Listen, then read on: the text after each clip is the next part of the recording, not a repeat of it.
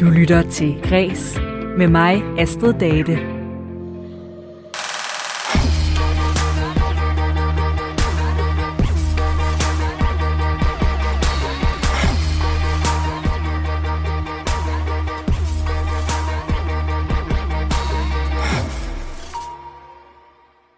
Jeg har engang arbejdet i øh, boghandleren Arnold Busk øh, inden deres konkurs, og jeg husker især derfra, hvor helt ekstremt mange bøger, der blev solgt af forfatteren Jussi Adler Olsen.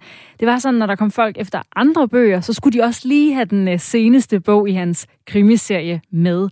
Og Jussi Adler Olsen er Danmarks bedstsælgende forfatter i øh, nyere tid, og nu får hans øh, femte bog i krimiserien med lidt corona-forsinkelse premiere i biograferne i dag.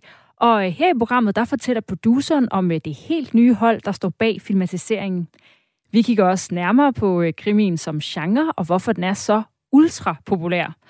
Og så kunne man måske tænke, at direktørerne på mindre egensteatre i Jylland er glade for et nyt udspil fra regeringen, der blandt andet vil flytte 30 scenekunstuddannelsespladser fra København til Holstebro i Jylland.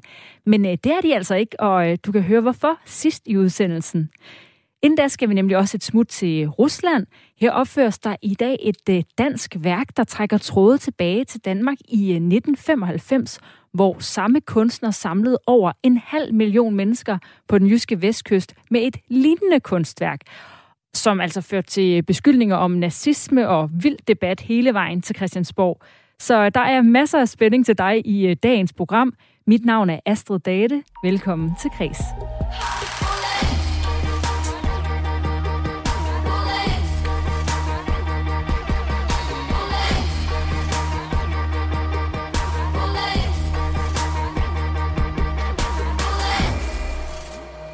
Og jeg springer direkte til dagens tema, som er krimier. Fordi i dag har filmen Marco-effekten premiere. Det startede med, at han ville have, at jeg skulle blive lidt længere efter træningen. Han ville have, at jeg skulle tage mit tøj af. Altså, han tilbage. Ham faren har modtaget nogle underlige, ret høje beløb kort tid efter, at han har anmeldt den voldtægt. Det er politiet! Assad, Stark skulle undersøge penge, der forsvandt fra forskellige nødhjælpsprojekter. Jeg har kun mødt Stark få gange. Synes det er prisværdigt stadig leder efter. Korruption, ministeriet, det polisen. Altså Stark, hvor spår Vi har ham. Du har ikke en skid. Assad! Hey! Bliv der! Det var aldrig meningen, at du skulle komme til det her. Kom nu ind derfra, så taler vi om det.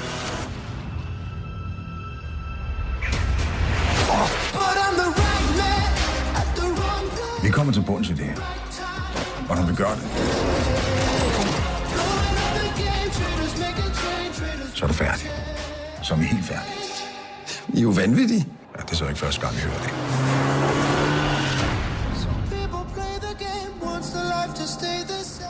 Hvad hedder du? Olgaard.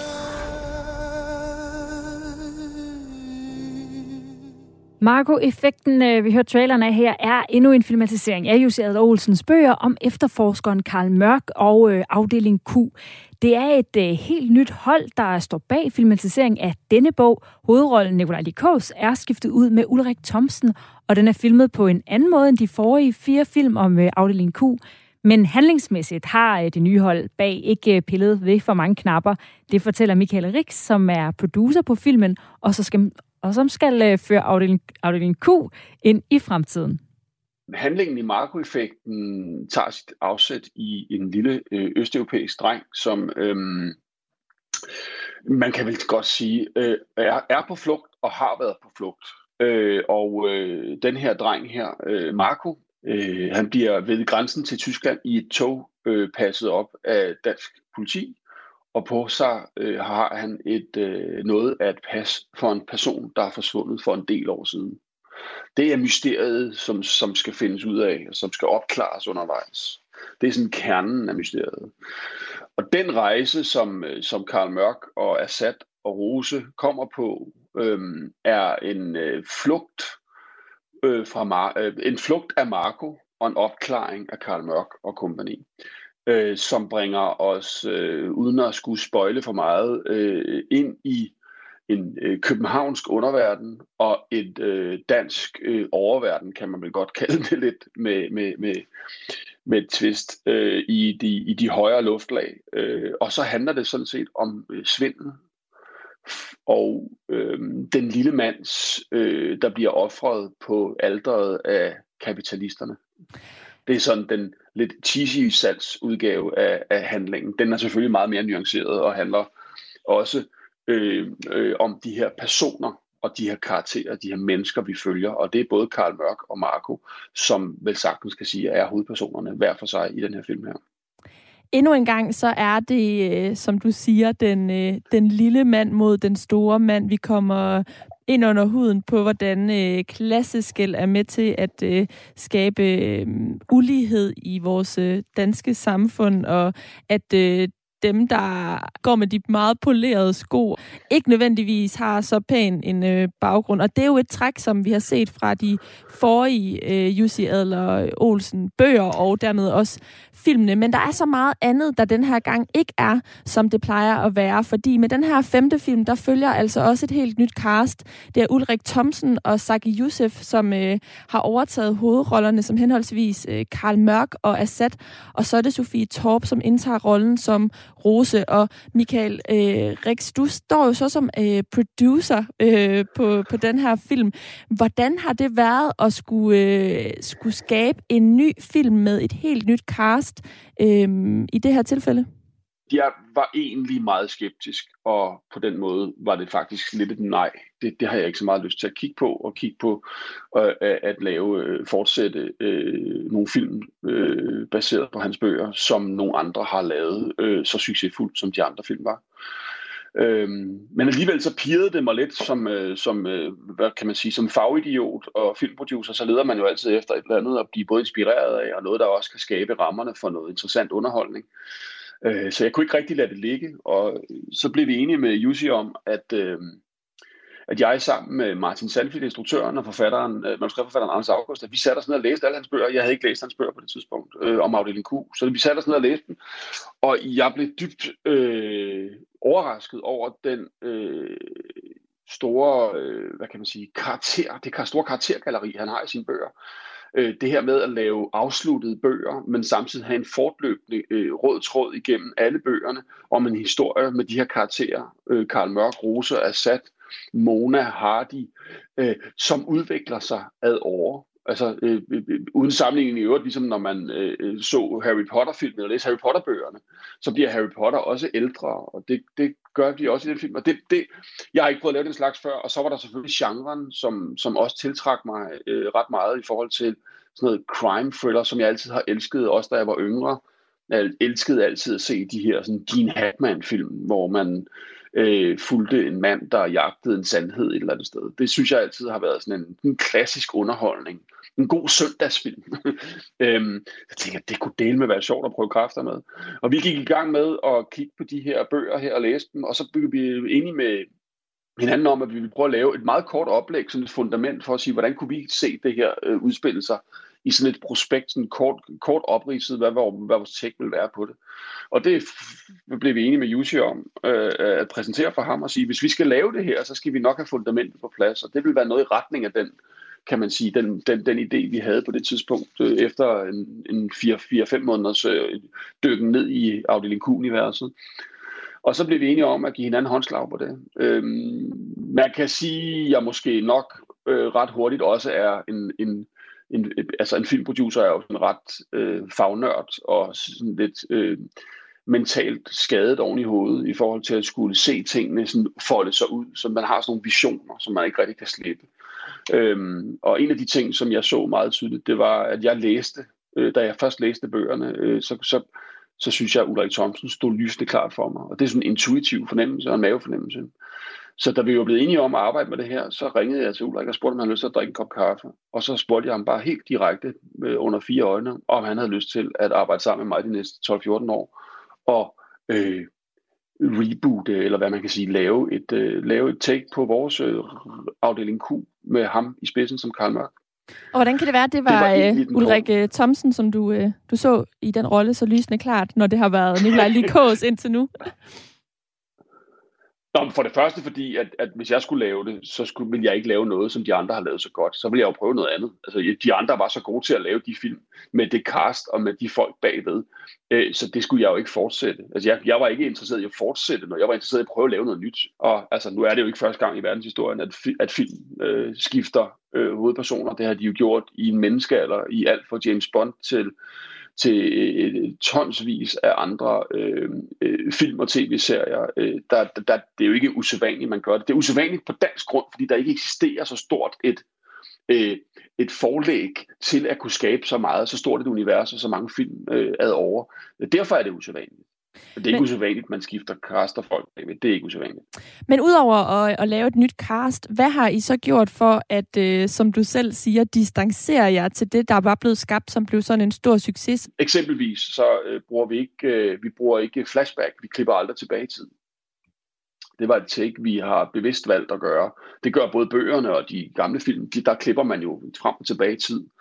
Øh, vi vil gerne prøve kræfter med at se, at alt hvad, der kunne, øh, hvad, alt, hvad der skal fortælles om fortiden, det skal helst fortælles i nutid, så vi hele tiden er i en puls med vores personer, vi følger nu.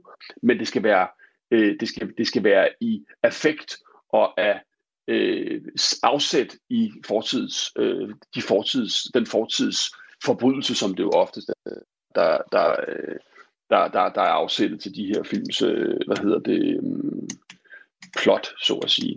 Øh, og vi brugt, har brugt rigtig meget tid på at studere øh, genren.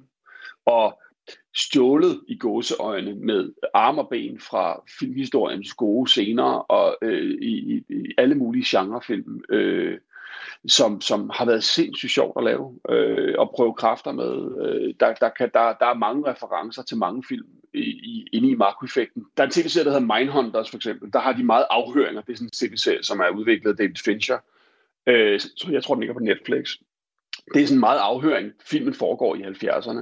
Og der er sådan nogle afhøringssekvenser, øh, som er ret interessante. Det er jo for eksempel, sådan, vi har også en ikonisk afhøringsscene i Marco-effekten, øh, som vi var inspireret af. Det, det var noget, jeg godt kunne lide ved den serie. Det var de her afhøringsscener øh, som der er rigtig mange af i den serie. Så, så, så der kan man sige, der var vi inspireret lidt af det. Så der var film noir-genren genren fra, fra, fra 40'erne, for de store amerikanske, sådan noget øh, visuelle fortællinger, som instruktøren Martin Sandvik også er, er, er, er, er, elsker, ikke? altså med lys skyggevirkning og regn og tåge, Og, altså, du har en hovedperson med tvivlsom moral, øh, og så er der noget hårdkogt miljø rundt om ham, som han skal gevære sig i. Øh, så er der sådan en simpel ting som... Øh, øh, en instruktør, der hedder Richard Grew, som, øh, som, som, som har sådan et, øh, et, et, et fotografi fra en, øh, fra, en, fra en mand, der falder ud fra World Trade Center. Øh, det, der er sådan en åbningsscene i filmen her, øh, uden at afsløre for meget, som er inspireret af den. Øh, øh, mm, så er der også de her sådan, generelle øh, Orson Welles-værker, det er jo sådan lidt plat at snakke om i film, fordi der, man bliver altid inspireret af ting og sager, ikke? men, men, øh, men øh, der er sådan noget korruption og penge og nærbilleder, ikke? altså mange nærbilleder, som, som, som, som, som øh, Eksempelvis er det jo ikke nogen hemmelighed, at Anders Madsen spiller en, øh, en central rolle i plottet. Øh, og der kan man sige, at det sådan er, er, er, er, der er nogle skift i hans karakter, som man vil opleve. Jeg skal passe på ikke at afsløre for meget, men, øh, som jeg synes, man skal opleve. Øh, og han skifter på et tidspunkt, så skifter han pludselig vinkel øh, i sin karakter øh, på et tidspunkt. Og men det, lad os lige det, det er også inspirerende. Lad os lige vælge ja. ved valget af Anders Madsen som en skuespiller i filmen. Hvorfor øh, har I valgt at, øh, at tage ham med? Det er jo nok til manges øh, forundring. jeg bliver da glad for, hvis det er forundring. Øh, men øh, han er en fremragende skuespiller. Altså, udover at jeg er kæmpe fan af ham som, som komiker, som anden, så er Anders Madsen øh, også en meget, meget, meget god øh, dramatisk skuespiller. Øh, og da jeg så ham på for eksempel mange år siden, som spillede, spillede sin spis på Østergasværk i København, så er øh, der, der folder han i sit store drama, dramatiske talent ud. Altså, øh, øh, øh det, det var også øh, øh, sindssygt spændende at tage øh, personer, man har et, et, en, en stor, et stort billede af. Øh, øh, øh både jeg selv og andre har et billede af Madison, Anders Madsen, som anden, der er super sjov og øh, fremragende komiker. Øh, og, øh, og så tage sådan nogle øh, personer, som øh, har et image, og så give dem noget andet altså det er i sig selv en, en, en del af, af, af både mit og en instruktørs job at prøve, prøve kræfter med. Og så i Anders Mattesens tilfælde var det jo også, at den her person, som han spiller, Thijs Snap, han, øh, han er jo en, en mand, der er i, i et øh, relativt stramt, tidende, stramt ubehageligt siddende jakkesæt, øh, som han tydeligvis ikke øh, øh, øh, befinder sig godt i. Øh, og det, øh, det, det er jo også inspireret af, af, af, af karakterer, som, som, som, som vi, har, vi har dyrket af, af folk, der er øh, ramt på deres øh, selvtillid, eller ramt på deres moral og deres skyld og skam. Øhm, og det, det er jo altid godt at så give dem et jakkesæt på, fordi så bliver de, så, det, det bliver så ubehageligt med et stramt slips og sådan noget. Og det, det, det, det, passede, det, det synes vi passede sindssygt godt til, til, til Anders Mattesens karakter, Thijs Snap. Øh, og det gør så, øh, at Mattesen kan bruge det som, som et, et springbræt til at, øh, til, at, til, til at fortolke den her, øh, den her karakter, som er kommet ud i nogle gevaldige problemer. Michael Rix, du er producer på øh, den femte Jussi Adler Olsen film, eller den femte film i øh, rækken om afdeling Q, filmatiseringen af Jussi Adler Olsens femte bog i serien. Og øh, du er den, der skal være med til at føre afdeling, afdeling Q ind i øh, fremtiden. Her til slut, nu, nu får vi den femte film, og, og publikum kan gå ind og se den i morgen, men hvad kan de forvente på, på sigt af, af afdeling Q fra dig? Jamen, øh, jeg håber, at folk vil hoppe på rejsen, øh, startende med makroeffekten, øh, og øh, følge øh, blandt andet Ulrik Thomsen som Karl Mørk, og Saki Youssef som Assad, og øh, Sofie Torp som den nye Rose, og øh, Hardy, Karls gamle marker, og øh, Karl Mørks, øh, øh, kan man sige, måske flørt igennem mange bøger og film, øh, Mona, og øh, det her persongalleri, der folder sig ud, og blive ældre med dem og os, og samtidig så følge dem på en, øh, nogle hæsblæsende og til tider dramatiske og øh, morbide øh, oplevelser igennem nogle, øh, nogle, øh, nogle, øh, nogle øh, vanvittigt velskrevet krimi, danske krimiromaner, som vi forsøger at filmatisere til to til to og en halv time spænding en gang hver andet år, som danskerne kan få stor glæde af i fremtiden. Og så på et eller andet tidspunkt, så havner vi vel for enden af tunnelen, så ved man, hvad der sker med Karl Mørk og Assad og Rose, når vi kommer til den. Og så øh, folder øh, det persongalleri sig mere og mere ud, jo længere vi kommer frem i filmserien. Men frem for alt, så er det jo at lave en fed thriller, crime thriller til danskerne. Det glæder jeg mig til øh, at få ud, og håber, at de vil tage godt imod den. Sådan sagde øh, producer Michael Rix til øh, min kollega Karoline Kjær Hansen.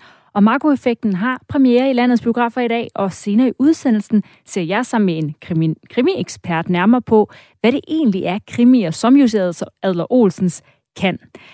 Og nu er jeg videre til øh, de vigtigste nyheder fra kulturens verden i dag, og vi begynder i Norge. Jeg vil bare sige, at hvis du tror, at jeg kommer til at gå rundt som et slags levende trofé, så tar du skikkelig fejl. Ikke spill dum. Du skjønner hva jeg mener. Halvparten jentene går rundt med den genseren der. Unnskyld, hva er navnet ditt? Ja? Med øh, ungdomssagen Skam, vi hørte noget af her, der fik Norge virkelig markeret sig som øh, et forgangsland i en øh, ny stil. Og øh, nu gør de det igen, for i Norge er der for første gang nogensinde en hijab-bærende, som er blevet udnævnt som moderedaktør på et vestligt modemagasin. Det er den 29-årige norsk-somaliske Wadar Mohammed, der får titlen som moderedaktør på skandinavisk Vogue, som udkommer til august. Og til det norske NRK, der siger hun, det her, det er meget stort for mig. Da jeg var 16 år, der kunne jeg ikke få job i en butik, fordi de var bange for, at jeg ville skræmme kunderne. At jeg kan gå fra det til at blive modredaktør er meget stort. Det fylder mig med håb og kærlighed, og med en tro på, at alting bliver bedre. Indtil for øh, tre år siden, der arbejdede Radar Mohammed som øh, sygeplejerske med folk med funktionsvanskeligheder. Men så blev hun altså opdaget på en såkaldt øh, scout under modeugen i Oslo, og siden har hun arbejdet for adskillige modmagasiner og haft sin debut på catwalken. Alt sammen øh, iført hijab, som, øh, ja, som hun jo så også vil gøre nu her i rollen som moderedaktør.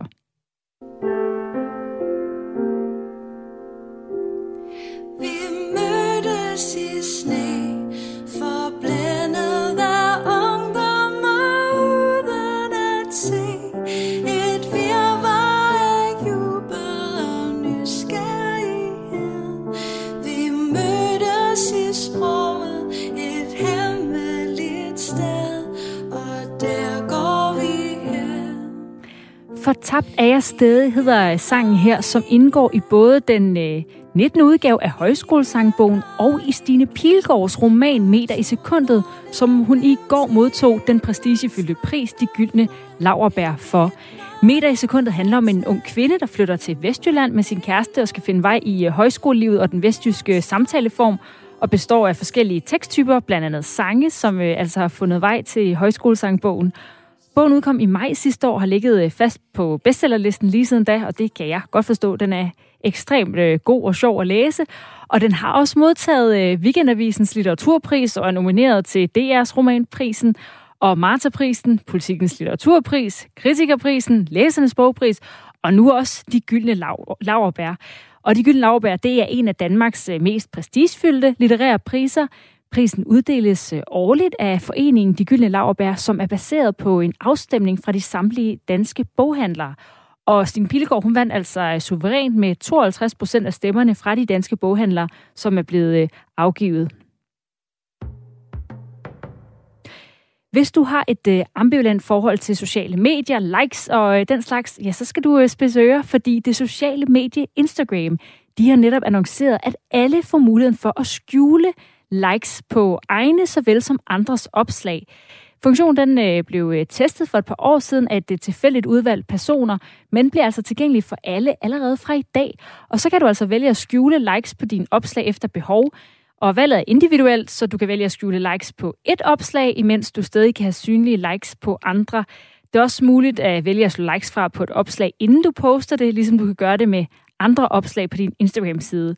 Men hvis du vælger at skjule likes på de opslag, så øh, du ser dit feed, så gælder det altså alle opslag. Så på den måde er det alligevel enten eller.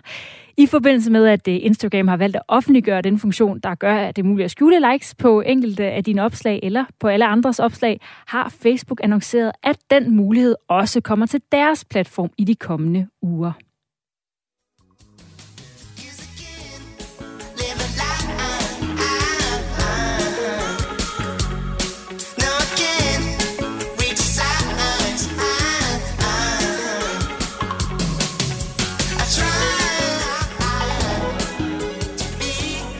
Søren Holm er forsanger i det danske band Lis. Vi hører øh, et nummer Try fra her.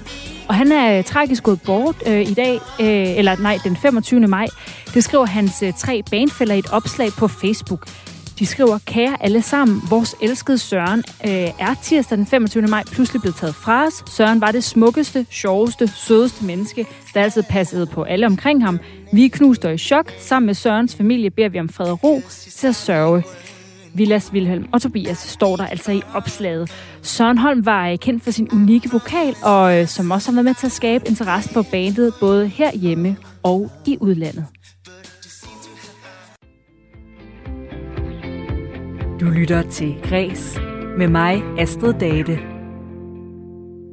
Kunstneren øh, Elemi Ejdrup Hansen, hun tændte den 4. maj 1995 for et 532 km langt lys, der skulle markere 50-året for Danmarks befrielse. Men øh, kunstværket det blev af mange opfattet som øh, en provokation og skabte hæftig debat med overskrifter som øh, nazishow og Nyrup, som var den daværende statsminister, dødtræt af LMI, og øh, lasershowet kan koste Hilden, som var den daværende kulturminister. Det kan koste Hilden jobbet. Og i dag der håber øh, LMI Ejdrup Hansen, at hun kan skabe en uh, lidt anden form for debat, når hun i dag står bag opsætning af et værk man til, nemlig en uh, lysstråle i uh, Uralbjergene i Rusland. Denne gang i anledning af 30-året for Sovjetunionens fald og uh, den russiske federations begyndelse. Og LMI Ejdrup Hansen, hun var forbi mig her i studiet tidligere i dag til at fortælle, hvorfor. Du har jo lavet mange værker, også siden 1995. Hvorfor har du valgt at lave et værk derovre, der har relation til netop øh, fredslinjen, der blev lavet i 95? Altså, hilsen om fred er jo absolut virkelig væsentlig stadigvæk. Og øh, dengang udtalte jeg, at, at the matter of peace is not a national need, but a global. Øh, og, og på en eller anden måde, så, så er det stadigvæk jo desværre meget relevant, og også lige nu, det at få chancen for at lægge en lyslinje lige midt imellem øst og vest. Øh, og det, at øh, Jelsingcentret greb den, og har ført det ud i livet, øh, og øh, Prikov Foundation, øh, som her i landet består af Katja Gabel og Andre, André Prikov, at de greb det og øh, var med til at løfte. Jeg har jo ikke været i stand, altså det har været et stort eksperiment. Jeg har ikke øh, kunnet tage derud på grund af corona.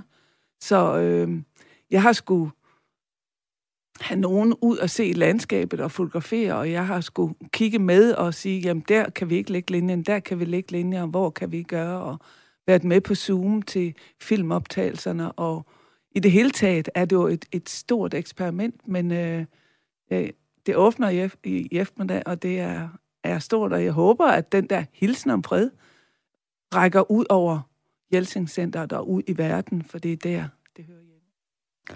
Og det er jo så ikke første gang, du lavede en hilsen om fred. Det var der tilbage i øh, 95, hvor du var en af 22 kunstnere, der fra begge sider øh, af, hvad hedder det, af 2. verdenskrig havde fået til opgave at markere 50 år for Danmarks befrielse den 4. maj 95. Og der blev 56 kunstværker øh, skabt langs vestkysten i Danmark, og dit dengang, det var det, der fik klart mest omtale. Faktisk gjorde det, at du blev øh, centrum for en ret hæftig debat, både sådan blandt folket og øh, politisk, og der var en stor øh, modstand imod det. Og det var jo ja, det her værk med en laserstråle, som lyste langs, det værket dengang, der lyste langs vestkysten, fra Skagen til Sild i øh, Nordtyskland, i to timer om aftenen den 4. maj. Og laserstrålen lyste mellem de bunker, som blev opført af tyskerne på kysten tilbage under 2. verdenskrig. Og for nogen, øh, som de gamle modstandsfolk, der var kritikken, at øh, de så lysværket på tværs af den dansk-tyske grænse som sådan en hyldest til samarbejdspolitikken. Og det faldt andre for brystet, at værket mindede om et værk i Tyskland af Albert Speer, som øh, også var Hitlers foretrukne arkitekt. Og så var der andre igen, der var for farvet over øh, det beløb, som værket kostede, nemlig øh, 14 millioner kroner. Men der var altså øh, over en halv million mennesker, der var ude og se det den aften i de to timer i 1995. Og der blev skrevet 6.000 artikler om der i perioden i maj øh, dengang. Hvordan, hvordan husker du perioden? Meget voldsom. Øh, altså, at det er, det er voldsomt. Øh, det er, øh, og derfor har jeg også øh, sidste år lavet en udstilling, det her Sted for Peace på Viborg Kunsthal, for at prøve at forstå det politiske, det historiske, prøve at, at komme tilbage, og øh, fordi det værk har jo formet mit liv, og, og, øh, og hvordan øh, ja, øh, står man sammen med det. Og det har været en utrolig spændende rejse, så derfor er det jo endnu mere, altså i virkeligheden er det jo, altså det, at det var så voldsomt dengang, øh, så derfor er det jo en fantastisk glæde at få lov til at lave et, et nyt værk, øh, som også har nogle af de dimensioner i sig, øh, og i, netop i Uralbjergene, som måske, altså, det at noget vækker debat. Jeg, har, jeg ønsker ikke dengang at lave en provokation. Det ønsker jeg sådan set... Nej, det var øh, tidligt, du oplevede, at, at øh, noget, som er kunst, der har nogle intentioner, lige pludselig får en helt anden modtagelse. Ja, Altså der i, i, der i 90'erne var der en del, der arbejdede, eller det har der igennem tiden, at, at kunstner arbejdede med provokationen som et, et virkemiddel. Det har aldrig været min intention. Det var hilsen om fred. Øh, øh, og, men det at det at der er altså det at der er forskellige forståelsesmuligheder. Øh, referencen til Albert Speers øh, den var meget forfejlet, og jeg tror også, den var desværre vildt. Men lad det ligge. Øh, men, men det, at der er mange muligheder, og det, at linjen, det at fru Jensen og herr Pedersen og Paul og Jens, alle sammen kunne stå med deres opfattelse og deres erindringer eller deres øh, i forhold til sådan en linje. Øh, det synes jeg sådan set at var noget af det, øh, Prigoffes digter også taler ind i. Det at at der er rum til mange menneskers forståelses. Og øh, det håber jeg også, at der ligger i den her, for det synes jeg er en, det synes jeg er en kvalitet. Det at... Og øh, den linje, der kommer øh, i dag, at du, øh, tænker du, øh, den her freds, nye fredslinje til Asien, går den til, tænker du også, at den vil øh, skabe noget debat? Håber du det? Ja, jeg håber da, at, at, øh, at det håber jeg da sandelig, den gør, og jeg håber da, at den bliver øh, tænkt, eller ja, det håber jeg da absolut, at der sættes en eller anden form for refleksion og en eller anden forholdelse til. Ja. Hvad håber du, russerne får ud af det? Det er jeg meget spændt på. altså, øh, det med forskellige kulturer. Hvad ved man i virkeligheden om, hvordan andre mennesker oplever det, og hvad er det for en kultur, og hvad er det for et temperament? Øh, ja, det, jeg håber, den bliver, og jeg tror, og, og i og med, at, at Jelsing Center, da de så skitsprojektet med det samme, sagde ja, øh, så er der jo i hvert fald en, en genklang, og det håber jeg sandelig også, der er i dag. Det var kunstner Elemi Ejdrup Hansen, jeg havde forbi tidligere i studiet i dag for at fortælle om øh, sit kunstværk, den her lysstråle, som opsættes i Uralbjergene i Rusland i dag, og som knytter sig til et øh, kunstværk, hun lavede herhjemme i Danmark tilbage i 1995, der på godt og ondt vagte stor opsigt. Du lytter til Græs med mig, Astrid Date. Kom nu. Altså, der er ikke nogen andre, som har set så meget lort og menneskelig fordærv som dig. Jeg vender tilbage til dagens tema, som i dag er øh, krimier, øh, for i dag har filmen Marco-effekten premiere i landets biografer. Og det er en film, som er ventet, ikke fordi at den øh, i første omgang skulle have haft premiere den 21. januar, men fordi det er filmatisering af Jussi Adler Olsens femte bog i krimiserien om afdeling Q, Jussi Adler Olsen ligger i toppen af listen over krimiforfatter, for han er Danmarks mest læste forfatter og har hans bøger, de har solgt i mere end 16 millioner eksemplarer over hele kloden. Men det er også en øh, populær genre, han har valgt at skrive ind for. Krimier er og bliver enormt populære, men øh, hvorfor og hvad er det sådan lige, de kan? Det har min kollega Karoline Kjær Hansen spurgt Lars Ole Sauerberg om. Han er professor emeritus ved Syddansk Universitet med speciale i krimier, og så er han også øh, anmelder hos Jyllandsposten om, øh, om det samme.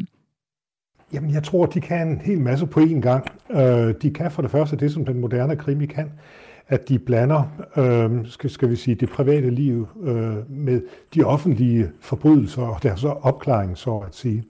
Øh, og de tager fat i alle de elementer, som, som folk godt kan lide. Øh, det med gamle sager, der, der bliver endevendt og bliver opklaret efter en, efter en rum tid. Der er mange tråde, der flettes ind i hinanden, og så er der det, som øh, Jussi Adlers øh, bøger har, som desværre ikke ret mange øh, øh, krimier har. De, de er morsomme, de har humor. Øh, folk kan sidde og grine af dem, og det er ikke bare øh, de ordspil, øh, der kommer øh, øh, fra, fra, fra, øh, øh fra øh, hans hjælpere, men, men det er i hele den sproglige fremdrift, der ligger sådan et, et humoristisk potentiale, kan man sige. Nu siger du det her med, at øh, han også blander karakterernes privatliv, altså personlighederne er også i spil. Kan du sætte lidt flere ord på, hvad du mener med det? Ja, der er for eksempel øh, den omstændighed, at hans øh, kammerat blev øh, skadet voldsomt i en episode, som går forud for, for der, hvor bøgerne starter. Øh, og der tager hovedpersonen så på sig at passe den gamle kollega, som er lammet fra halsen og ned efter øh, altså tager et, enormt, øh, øh, en enorm øh, for, øh, forpligtelse på sig. Øh, og det er der, hvor privatlivet, om man så må sige, over, øh, mere end overlapper med det, med det offentlige liv. Og den her øh, person, det er øh, Hardy, hans øh, gamle ja. Øh, ja. ven eller øh, kollega. Men hvis vi så kaster øh, lys over krimi-genren sådan mere bredt, så er det bare en enormt populær genre. Det kommer vi simpelthen ikke uden om en øh, ny undersøgelse, som lydbogs- og streamingtjenesten Mofibo de har lavet. Der i fremgår det, at øh, krimien uden sammenligning er øh, den mest populære genre, og der er andre undersøgelser, som også viser, at genren øh, er populær uagtet alder og køn. Hvad er det krimin, øh, hvad er det ved krimin som genre, der gør, at vi, altså, at alle åbenbart sluger dem øh, råt en efter en? Jamen, det, det er også det, som øh, Jussi Adler Olsen er, er så øh, god til. Den kan øh, blande de private dagsordner med de, med de offentlige dagsordner. Øh, man får et blik ind i øh, naboens privatliv, øh, over ligusterhækken. Man, øh, det, det snavsede vasketøj hænges til tørre i, i haven, så alle kan se det. Øh, så der er altså den der, skal vi sige, øh, ubladseffekt i det. Øh, Og så øh, er der jo altså det rent basale spændingselementet. Altså man vil gerne se, hvad der sker på, på næste side øh, hele tiden, og allerhelst skal det fungere til den, til den aller sidste side, der må være, hvor der gerne må være den aller sidste overraskelse. Øh, og det er jo ikke bare et, øh, et fænomen øh, nu om dagen, at, at krimin er populær. Det har den været stort set de sidste 100 år. Og det har nok været den enkelte genre, der har haft den største popularitet. Men der er mange forskellige slags krimier. Der er jo lige fra den, fra det tørre, den tørre puslespilskrimi i den ene ende, til den action-prægede thriller i den anden ende. Øh, og der er mange mellemstationer øh, på vejen. Hvad for en station er den bedste øh, ifølge dig at stå af ved? Altså med andre ord, hvilke kerneelementer øh, rummer en rigtig god krimi, hvis vi skal spørge dig som altså, krimi-ekspert? Det, der sker jo der sker jo mange ting hele, hele, hele tiden med det. Altså det sidste skud på stammen øh, er ved det, som nogen har kaldt domestic noir, altså øh, gyserhistorier fra det, fra det hjemlige liv, hvor der pludselig sker ting og sager inden for hjemmets fire vægge, som er uhyggelige, fordi manden eller konen åbenbarer et potentiale, man ikke har været klar over før, og det fører til skrækkelige ting. Den slags skrives der en, en masse af nu, og det er noget, der er kommet ind gennem de, øh, over de sidste 10, 15, 20 år, øh, og den har vi ikke set øh, så, så meget til før. Da krimien startede sin popularitet øh, i sådan rigtig for, for alvor, det gjorde den i 1920'erne, altså for nøjagtigt 100 år siden, øh, øh, der var det jo det, man i dag vil kalde puslespilskrimien, der, der var fremherskende, hvor man altså fik serveret alle, øh, øh, alle factsene som læser, og så i virkeligheden teoretisk set burde være i stand til at opklare forbrydelsen øh, hurtigere, eller i hvert fald samtidig med, med detektiven. Øh, den har ligesom tabt terræn, den specielle puslespilskrimi, til fordel for andre krimityper, der, der griber mere ind i de private liv. Altså man kan, man kan, man kan sige, at puslespilskrimen, den hang sammen med gentleman-opdageren. Øh, det kunne være en aristokrat, det, kunne, det var gerne en mand fra det bedre borgerskab, øh, som, som øh, havde fritid nok til at kunne øh, følge sine mærkelige lyster ind i forbrydelsernes verden og, og få øh, tingene opklaret. Øh, den måde at gribe tingene an på forsvandt øh, lige omkring 2. verdenskrig, hvor man så blandede op for politiet og den kollektive politiroman. Øh, fordi det var den mere realistiske tilgang. Det var trods alt politiet, der, der tog sig af forbrydelser, og det var en, og det var en, en, øh, en gruppe øh, øh efterforskere, der, der hjalp øh, hinanden med at få tingene til at falde på, på, på plads.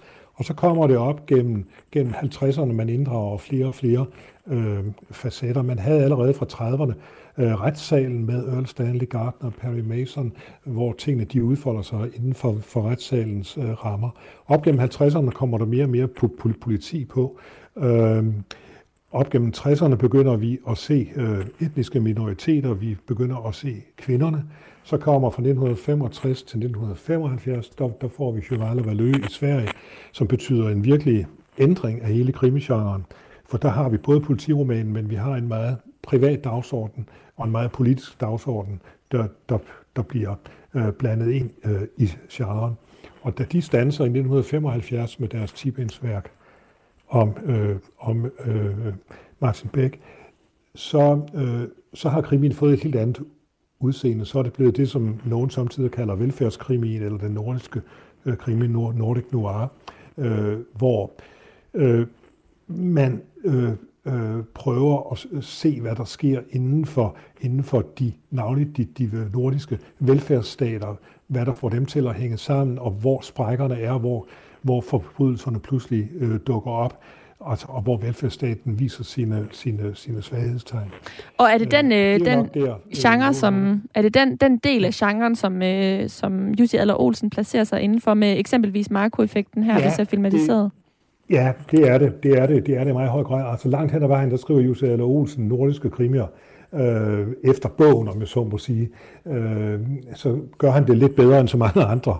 Øh, øh både med sin humor og, og, og, og forfølge nogle, øh, nogle, nogle ting lidt, øh, lidt, lidt længere. Men basalt, der er det den, der er det den øh, øh krimi, øh, vi har med at gøre øh, i dag. Makroeffekten, som øh, man kan se filmatiseret øh, fra i dag i biograferne, som øh, altså er en filmatisering af Jussi Adlers Olsens øh, femte bog i serien, øh, krimiserien om øh, afdeling Q. Den udkom, bogen, vel at mærke, udkom i 2012, og der må være sket noget siden, øh, Lars Ole Sauerberg. Hvilke nyere krimier kan du anbefale, man, øh, man kaster sig over, hvis det skal være nogen, altså inden for en rimelig kort øh, tidshorisont, sådan øh, er helt ny dato? Jamen altså, øh, hvis man er interesseret i, i binge reading, altså som svarer til binge TV watching, ikke? altså på Netflix, så, så er det jo godt at starte med, så er det godt at læse en, øh, en øh, serie. Og herhjemmefra, der har vi jo Lotte og Søren Hammer, øh, som har skrevet en, en, øh, en lang og meget øh, øh, engagerende og meget fascinerende serie. Øh, og øh, Øh, hvis man kigger lidt omkring i Skandinavien, så vil jeg da anbefale, at man kaster sig over Arne Dahl fra, øh, fra Sverige. Man kan også kigge på Jørgen Lier Horst fra Norge, øh, som lige har afsluttet et, øh, et firebindsværk om, om øh, dead øh, cases. Øh, Anne Holt, tidligere norsk øh, just, øh, justitsminister, er still going strong med, med, med, øh, med krimier, der involverer store samfundsmæssige øh, spørgsmål. Øh, jeg har lige siddet og, og øh, anmeldt en helt ny dansk debut, debutant, som skriver en politisk thriller, en der hedder Iben Albinus, som udkommer en af de første dage her. Øh, den hedder Damaskus. Det er en politisk thriller, som absolut er på international flyvehøjde. Øh, I det hele taget synes jeg, at danske forfattere har en styrke inden for, inden for politiske spændingsromaner, politiske thrillers, altså Leif Davidsen og company. Der er en hel masse, der skriver gode øh, politiske thrillers, og jeg ved ikke, om det har noget at gøre med, med vores lands størrelse og, og jeg må sige, manglende internationale gennemslagskraft, så kan vi i hvert fald gøre det i litteraturen og blande os øh, med, de, øh, med, de, med de store. Så inden for, inden for politiske spændingsromaner, der vil jeg sige, at øh, der, der, der kan man øh, øh, høste mange øh, meget, meget interessante og meget givende øh, titler. Selv direktøren for Gyldendal skriver jo politiske thrillers, Morten Hesseldal. Øh, og det er ikke dårlige thrillers heller. Det sagde øh, Lars Ole Sauerberg, der er professor emeritus ved Syddansk Universitet med speciale i krimier og anmelder hos Jyllandsposten.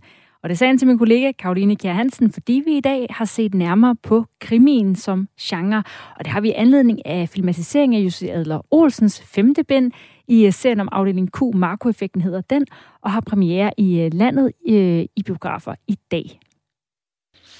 Danmark er jo et lille land men heldigvis et land, hvor der stadig er fantastiske muligheder, og vi har brug for alle dele af vores land.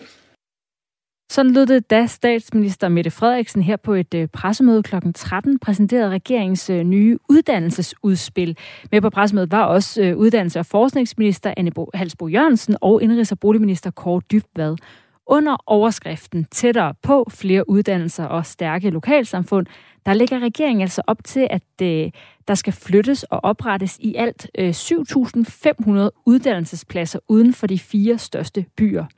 Og øh, heriblandt er der også øh, konkret nu på bordet nogle kunstneriske af slagsen. Ifølge øh, regeringen, de vil nemlig flytte 60 uddannelsespladser fra de kunstneriske uddannelser fra København til Holstebro. Så øh, 30 af dem, de skal være, øh, den tager jeg simpelthen lige igen, 60 uddannelsespladser, de skal flyttes fra København, og de skal flyttes til Holstebro. Halvdelen af dem, de er forbeholdt, forbeholdt en ny musikuddannelse, men derudover så skal 30 uddannelsespladser fra den danske scenekunstskole i København flyttes til Holstebro. Leder på øh, Randers øh, Teater, Peter Vestfald, velkommen til Kreds. Tak for det. Og sådan et udspil, det må øh, lyde godt i dine sådan, regionale teaterdirektørører. Jamen, det gør det. Altså, jeg synes, det er rigtig dejligt, og der har været fokus på det med den nuværende regering og den sidste regering omkring udflytning og omkring måske at kompensere lidt for den her voldsomme centralisering, der har været i, i rigtig, rigtig mange årtier. Så øh, det er meget positivt for mig, at der bliver skabt en mulighed for, at, at, at de unge mennesker kan få en uddannelse uden nødvendigvis at skulle flytte til København, fordi det store problem med mange uddannelser er, at øh, når man kommer til en uddannelsessted, så er det også med stor sandsynlighed der, man slår sig ned og bor, og der man tager arbejde, og derfor har det været voldsomt svært at rekruttere øh, uddannede unge mennesker til arbejdspladser sidenhen. Så det, det er jeg meget, meget, meget positiv overfor. Så du er, øh, du er glad for, øh, hvad hedder det, du er glad for, at der bliver flyttet nogle øh, øh, øh pladser, altså også de her scenekunstpladser fra København til Holstebro? Ja, altså for det første er jeg generelt glad for, at der du bliver flyttet. Du er glad for det hele. Ja, ja, men, men jeg vil så sige, at man skal være meget, meget opmærksom på, når man flytter den her form for specialuddannelser. Altså øh, lærer har vi alle sammen brug for i hele landet. Øh, tandlæger, læger, øh, geologer, smed eller ingeniør, eller hvad vi er. Det har vi brug for over det hele. Men man kan sige, når man flytter sådan en meget speciel uddannelse som danseuddannelsen, så er det jo ekstremt vigtigt, at det ikke bare bliver en eller anden form for fornemmelse af et tålt ophold i provinsen, mens man tager sin uddannelse for, at man kan fise tilbage til, øh, til, til en hovedby og sådan ting. Så derfor håber jeg meget, at, at regeringen har tænkt ind det med at skabe arbejdspladserne også, skabe de kunstneriske institutioner i forbindelse med uddannelsen, sådan så, at der er en mulighed for, at de studerende at spejle sig i moderne dans. Og der kan man sige, at der har Holstebro jo øh, et fantastisk dansekompani, Black Box Theater, og det håber jeg selvfølgelig, at det bliver prioriteret meget op som institution, så de har mulighed for at lave forestillinger, og eleverne med eleverne har mulighed for at ansætte folk, så de får et dansemiljø. Fordi det er jo ikke nok bare at tage en uddannelse, hvis man ikke har miljøet. Fordi det bliver sådan en lille smule øh, at være på en øde ø, hvilket er rigtig ret moderne for tiden. Men, men, men derfor er det vigtigt, at man kigger på det som en helhed. Og jeg er ikke inde i planerne, og jeg ved ikke, om det er tænkt ind, men det håber jeg meget, fordi ellers så synes jeg, at der kan gå, gå hen og blive et kvalitetsmæssigt problem med at flytte en dansk uddannelse, hvis der ikke følger resten med. Valget faldt jo på netop Holstebro, fordi kommunen i forvejen har et rigt musik- og scenekunstliv. Øh, blandt andet har de MGK-uddannelsen, der øh, forbereder musikere til konservatoriet, eller øh, MGK-kurset er det. Og så har det Kongelige Teaters Balletskole, de har en satellitafdeling der. Mm, øh, og til, ja. til ved MidtVest, der siger borgmester hos Østerby, det er et fantastisk løft af den kulturelle profil, vi har i forvejen. Er Holstebro så ikke i virkeligheden et hensigtsmæssigt valg i forhold til at flytte 30 scenekunstuddannelser eller studiepladser ud der? Jo, det, det tror jeg, det er, fordi øh, jeg kender ikke så meget til øh, Holstebros infrastruktur. Jeg kender bare meget til, øh, at de gør en del ved kulturen, og jeg kender nogle af de institutioner. De har også Odin Teater derude og, og sådan ting. Så, så på den måde er det en, en rig by med mange ting. Så det kan bestemt godt give mening, at man flytter det øh, omkring Holstebro. Men som sagt, så er det vigtigt, at man også prioriterer de arbejdspladser, de statslige arbejdspladser, de statslige kulturinstitutioner, at der også er den mulighed for de mennesker at få. Fordi øh, hvis jeg skal lave en moderne danseforestilling, så hjælper det ikke noget, hvis de er uddannet i Holstebro, men de flytter til hovedstaden med det samme, fordi det er der arbejdet er. Fordi så har jeg det samme rekrutteringsproblem alligevel. Så derfor, man skal tænke det her ind som en helhed, især med de her meget specielt specialistuddannelser, fordi øh, det er meget omkring de store øh, byer, at, at de får arbejde, og i metropolerne, hvor de får de arbejde, hvor der bliver produceret de der forestillinger. Så derfor, hvis vi kan toppe det op med også at flytte nogle produktionsmuligheder, øh, så vil det være helt forrygende og endnu bedre at, at finde nogle nye penge også til det, så det ikke bliver en spareøvelse. Ja, for man kan sige, er kulturbranchen stor nok til det? I, øh, i dag der ligger 75 procent af studiepladserne på de videregående kunstneriske uddannelser i de to største byer, mens kun 25 procent befinder sig i resten af landet. Og med udflytning, der ønsker regeringen jo også at styrke adgangen til øh, de kunstneriske uddannelser i hele landet, og samtidig understøtter frem det lokale kulturliv. Altså, de mener nemlig, at tilstedeværelsen af en kunstnerisk uddannelse også vil skabe bedre muligheder for kreative miljøer og rigere kulturtilbud for de danskere, der bor uden for hovedstaden. Og det er jo også det, du, du, du håber på vil være effekten af det. Men du siger så også, ja, ja. at det kræver, at der bliver lagt nogle penge eller noget arbejde eller nogle initiativer i, at der også er arbejdspladser. Men er det i virkeligheden, altså netop i forhold til landets størrelse og sådan noget, er det overhovedet realistisk at, at skabe nogle andre, øh, altså er kulturbranchen stor nok til at skabe nogle flere sådan kulturelle centrumer i landet, ud over de to største byer? Ja, det tror jeg, der er. Fordi vi havde jo noget historik omkring uh, som jo lå omkring Holstebro også, og som havde meget stor succes med noget så, så specielt så som, som, som ballet, som er en form for niche-ting også, ikke? Øh, det var en meget stor, stor succes derude, og det er også vel derfor, det kongelige lagde deres øh, satellitskole der, som jo også er en rekrutteringsgrundlag til, de, til, til den balletuddannelse, som, som reelt er i... Nu må du slå mig, hvis jeg tager fejl, men jeg mener, den er i København. Men det er jo ligesom, hvad skal vi sige, en forskole, en, en, en forskole til balletten, som ligger der, men, men balletuddannelsen ligger i København. Og der er det bare vigtigt, at man har miljøet omkring sådan nogle danser, når de, fordi det er jo dem, der skal opfinde det, der ikke er fundet på endnu. Og det gør man jo blandt andet ved at arbejde med det selv, men også ved at blive inspireret af internationale gæstespil, og man bliver inspireret af andre danser, professionelle danser, som, som man kan spejle sig i, og som man kan spare med, som ikke bliver en lukket lille enklave omkring sig selv, men at man også har det udsyn, der skal til. Og det tror jeg er vigtigt, at regeringen også tænker på, at vi skal have noget produktion, vi skal have noget professionel produktion, som de unge studerende så kan komme ind og arbejde på, så de kan blandt andet blive der. Fordi så får vi den positive effekt ud af, hvis de har mulighed for et levebrød, hvor de nu er eksempel Holstebro eller bare Jylland, hvis de har mulighed for levebrød, så vil, de, så vil de fleste mennesker gerne blive boende, hvis der er den mulighed. Den mulighed er der ikke endnu. Det kan godt være, at du får uddannelsen, men du kan ikke få dit levebrød med den uddannelse, du får. Så derfor er det vigtigt, at man gør det andet også, fordi ellers så kan man sige, så er der måske nogen fra Østerbro, der bliver danser, om du også flytter til København for at få et levebrød. Så øh, der vil jeg sige, man skal lige tænke det som en helhed, men generelt som sagt er, er positiv over for, at man gør det øh, på den her måde. Vi har også talt med din kollega Nikolaj Minika, som er chef på teatret Møllen i Haderslev. Ja.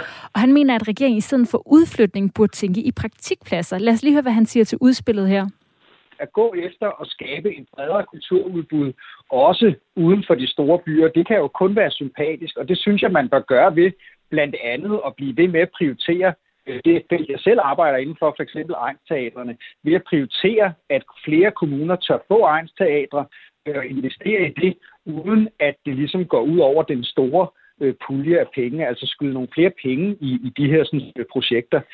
Øhm, I forhold til, til skolerne, så skal de jo så også selv sætte ind, og det er jo blandt andet på at begynde at tænke praktik bredere end bare i de store byer. Så der kunne man jo med fordel begynde at tænke praktik og ophold ind på teatrene, der ligger uden for de store byer. Men jeg vil mene, det er den vej, man skal gå, og ikke ved at flytte en hel uddannelse. Fordi der er så stor en del af den scenekunstneriske uddannelse, der handler om netværk, Altså, at du beskæftiger dig med et, et, øh, et fagområde, hvor du møder professionelle, der arbejder med det til dagligt. Og der vil du altså møde flere i de store byer. Og det er altafgørende også i forhold til at have jobmuligheder fremadrettet. Så på den måde, både i forhold til, hvad kan man sige, til den inspiration, man også bliver nødt til at søge, når man ikke sidder på skolebænken, og så for at sørge for, at man har det netværk, der gør, at man kommer ud og rent faktisk arbejder bagefter. Vil det i virkeligheden være en øh, bedre løsning for de kunstneriske uddannelser, at de mere tænkte i praktikpladser, frem for at flytte øh, pladserne til, øh, til de mindre byer? Øh, det er en mulighed. Det er en mulighed, øh, men man skal bare passe på, at, at kultur ikke er noget, der kommer forbi. Fordi Nikolaj har jo fuldstændig ret i, at øh, man, man, man skal også tænke ud, fordi der er sådan en tendens til, at, at hovedstad og, og stat smelter sammen til bliver en enhed. Ikke? Øh, hvorimod, som Hvad mener du med det? Påpeger, Jamen, øh, som du selv siger, ikke, 70 eller 80 procent af de samlede øh, statslige midler bliver brugt øh, på København, øh, hvis du tager det kongelige med og sådan noget. ting. Og, og derfor har der en tendens til, at staten investerer i kunsten i hovedstaden, hvor kommunerne skal investere i kunsten i provinsen. Og derfor savner jeg måske den statslige investering i den nationale kunst, i provinsen, så det ikke er bare et kommunalt problem, når det ligger uden for øh, de store byer, men det også bliver en statslig opgave at sørge for, at der er et rigt kulturliv. Og en af måderne at gøre det på, øh, for eksempel med scenekunstuddannelsen, det er at arbejde mere med praktikken, så man får, får dem uden for det der meget lukkede studentikose miljø, øh, som, som, som det, det er, og som det også skal være. Øh, det er en, en rigtig god mulighed, som, som Nikolaj siger. Men jeg tror på, hvis man flytter uddannelsen, så skal man have flyttet nogle arbejdspladser med, som på den måde så skal generere aktivitet. Fordi det, der kunne ske, hvis det kan lade sig gøre, det er lige pludselig, så bliver der en hel del mennesker, som så bor i provinsen, og så sætter sig sammen og søger for eksempel Statens Kunstråd om, om penge øh, til at lave et projekt og så producerer de det for eksempel uden for København, og så spiller de det hos mig, eller hos Nikolaj, eller øh, på Black Box Theater. Så, så vi er med til at skabe altså en, en bølge, en bevægelse, hvis vi kan gøre det på den her måde. Men det, men det er ikke gjort Altså, det er naivt at tro, at det er gjort ved at flytte eksempelvis en danseuddannelse til øh, Holstebro. Det, det er ikke nok. I hvert fald ikke i mit perspektiv er det ikke nok. Det er dejligt for Holstebro, øh, og det giver en masse unge mennesker. Det er fint. Peter Vest, tusind ja. tak, fordi at, jeg var lige rundt af her. Tusind tak, leder for Randers og Tak, fordi du var med. Selv tak. Det var alt, hvad vi havde i Græs for i dag. Tak, fordi du lyttede med.